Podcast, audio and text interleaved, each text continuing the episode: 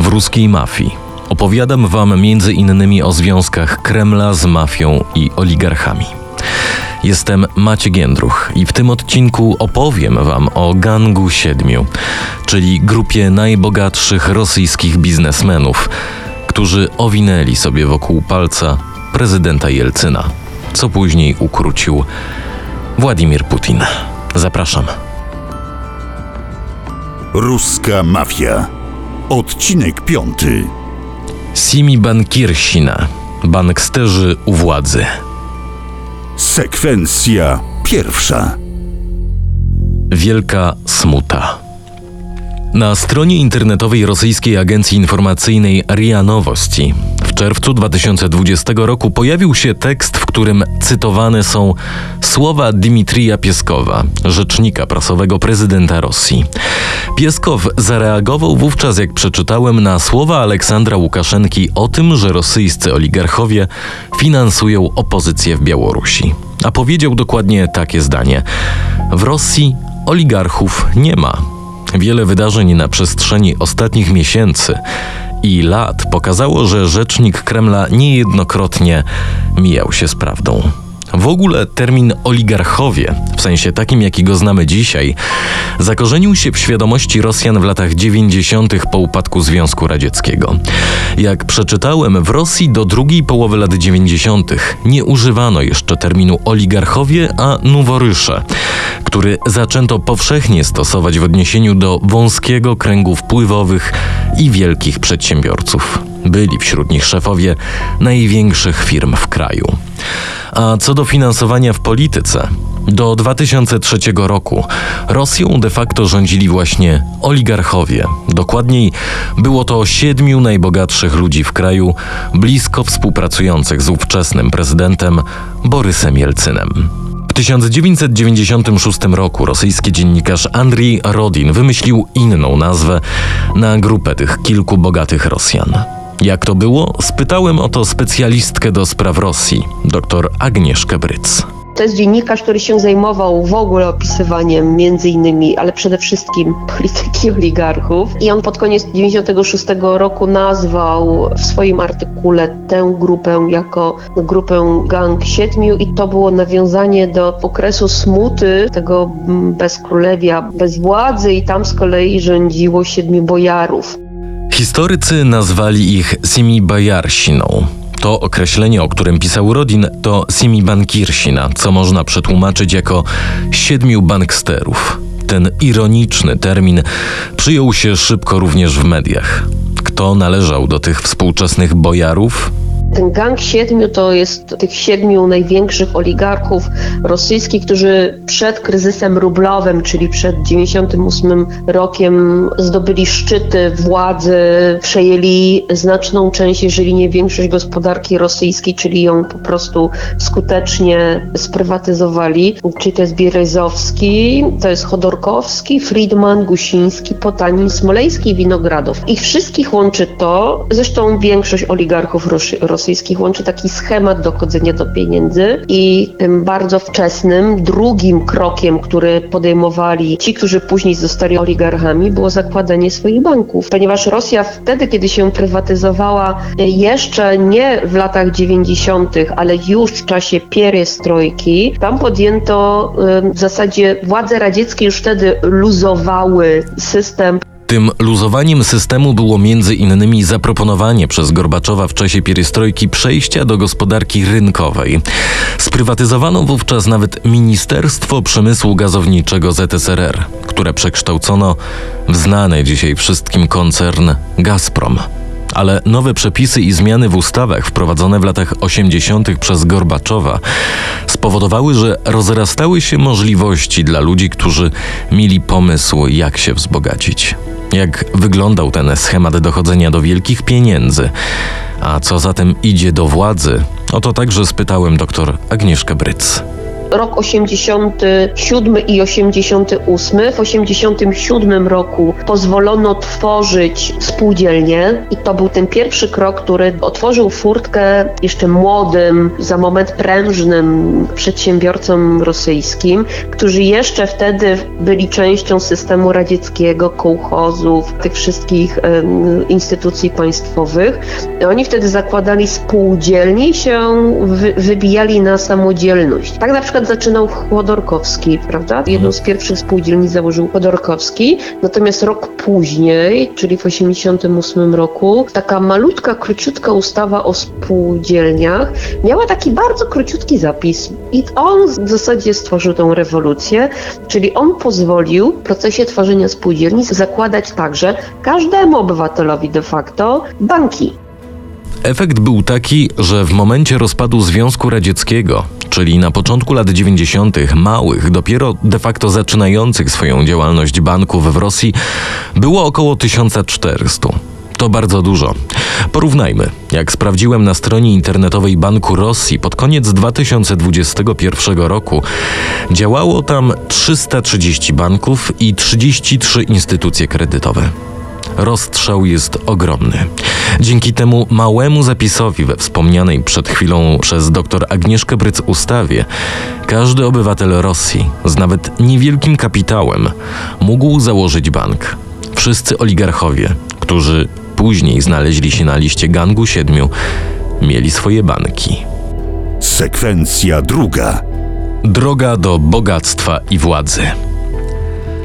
Jak opowiadałem wraz z różnymi ekspertami w poprzednich odcinkach ruskiej mafii, wszyscy, którzy chcieli się wzbogacić u schyłku istnienia Związku Radzieckiego i na początku zmian ustrojowych w Rosji, organizowali swoje biznesy zaczynając od drobnego handlu. Sprzedawali telefony komórkowe, alkohol, papierosy. Ale te wszystkie osoby także należałoby podzielić na dwie grupy. Pierwsza to wory w zakonie. Złodzieje, którzy poza handlem zajmowali się haraczami i innymi metodami nielegalnego zarabiania pieniędzy. Ta druga grupa to wykształceni, młodzi ludzie, często z dobrych domów, kończący studia, którzy wzbogacili się w nieco inny sposób, choć też dzięki współpracy choćby z politykami na różnym szczeblu władzy. O tej grupie opowiedziała mi Agnieszka Bryc. W czasie rozpadu Związku Radzieckiego byli najczęściej młodymi, kończącymi studia naprawdę niezłe na wysokim poziomie, czy w Moskwie, czy w innych miastach, ale oni są po dobrych studiach i są w dramatycznej sytuacji gospodarczej. Myją okna, prowadzą jakieś drobne biznesiki i oni w tych latach 80. próbują robić to, co wszyscy, czyli bogacić się w sposób taki mikro, czyli sprzedają papierosy. Zresztą to nie grzech był sprzedawać papierosy, bo miliardy na papierosach zarobił Cyryl, czyli patriarcha moskiewski, bo to on także jest w tej fali bogacenia się właśnie na takim nie zawsze legalnym imporcie. Kluczem do tego wszystkiego są kontakty. Gang Siedmiu zdobył w Rosji władzę dlatego, że dzięki wykorzystywaniu kruczków prawnych i umiejętnego dopasowania się do ówczesnych realiów, jego członkowie zarobili miliony, które przydawały się na łapówki oraz na trzymanie w garści prezydenta Borysa Jelcyna. W 1996 roku w Rosji zbliżał się termin wyborów prezydenckich, a schorowany Jelcyn miał niewielkie szanse na reelekcję z niemal zerowym poparciem. Faworytem był wówczas lider komunistów Gennady Zjuganow, który obiecał Rosjanom cofnięcie prywatyzacji. Bojąc się o swoje aktywa, siedmiu bankierów połączyło siły.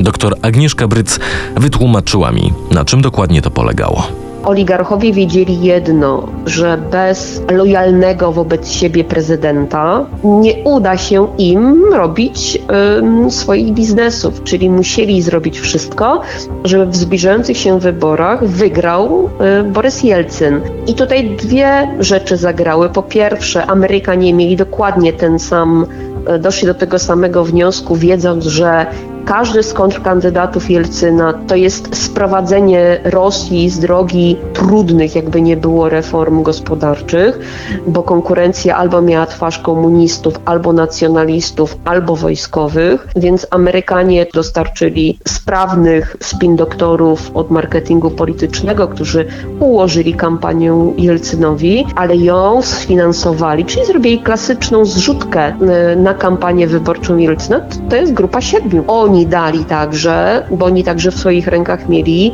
media. W mediach rosyjskich w tamtym czasie można było czytać i oglądać, słuchać treści, które sprzyjały, wybielały Jelcyna, a bardzo w złym kontekście przedstawiały konkurencję y, polityczną Jelcyna.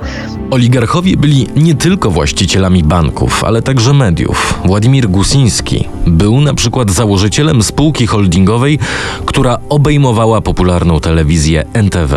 Bieryzowski rządził kanałem telewizyjnym ORT. Dzięki temu Jelcyn ostatecznie obronił fotel prezydenta. Oligarchowie osiągnęli szczyt swoich wpływów, a Bieryzowski zaczął kreować się na szarą eminencję Kremla. Sekwencja trzecia. Putin przejmuje kontrolę. Kiedy Jelcyn poinformował świat, że odchodzi ze swojego stanowiska, jego naturalnym następcą został Władimir Putin. Choć Bierzozowski zaakceptował go na tym nowym stanowisku, to okazało się, że Putin to nie jest ich człowiek. Bieryzowski popierał Putina i to on na Putina postawił, ale to z uwagi na swoje niesnaski już y, z, y, z samym prezydentem czy z kręgiem rodziny, czyli tej familii prezydenckiej kremlowskiej. Y, mm, Więc na początku Bieryzowski po- postawił na Putina, później z tym Putinem się y, bardzo szybko rozstał. W 2003 roku pod zarzutem oszustw finansowych aresztowano najbogatszego wówczas człowieka w Rosji, co zostało odczytane jako zemsta za finansowanie opozycyjnych partii politycznych, między innymi komunistów. W lipcu 2000 roku Putin spotkał się z największymi przedsiębiorcami w kraju i bez ogródek ostrzegł ich przed mieszaniem się w politykę. Ostatecznie po tej wielkiej, pokazowej sprawie z Chodorkowskim, to y, Putin odwrócił hierarchię i to on ma odtąd lojalnych wobec siebie y, oligarchów. Ci, którzy pozostali, mają możliwość prowadzenia swojego biznesu, ale tylko wtedy, kiedy a są lojalni wobec mm, władzy, wobec Putina, czyli nie wykazują żadnych ambicji politycznych. Oligarchowie zrzutki na pałace Putina, a jednocześnie ci, którzy na przykład funkcjonują poza granicami Rosji, tylko po to, żeby nie popadać, mm, nie wpadać na czarną listę, to oni na przykład dbają o swoje poprawne relacje z państwem, dokonując takich usług w stosunku do państwa rosyjskiego, takich przysług, na przykład odkupują kolekcje tych jaj, Faberże za grube miliony, przekazują je muzeum rosyjskim. E, Odkupują jakieś kolekcje, które były wyprzedawane w czasach kryzysowych kolekcjonerom zachodnim. Odkupują, przekazują państwu.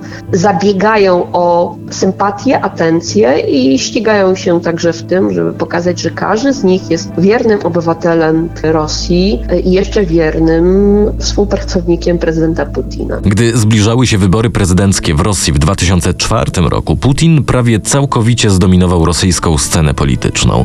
Pisał o tym Mark Bennett w swojej książce Dokopać Kremlowi. Dyktator w czasie swojej pierwszej kadencji ujarzmił media i wysłał jasny sygnał oligarchom, że do polityki mają się nie wtrącać.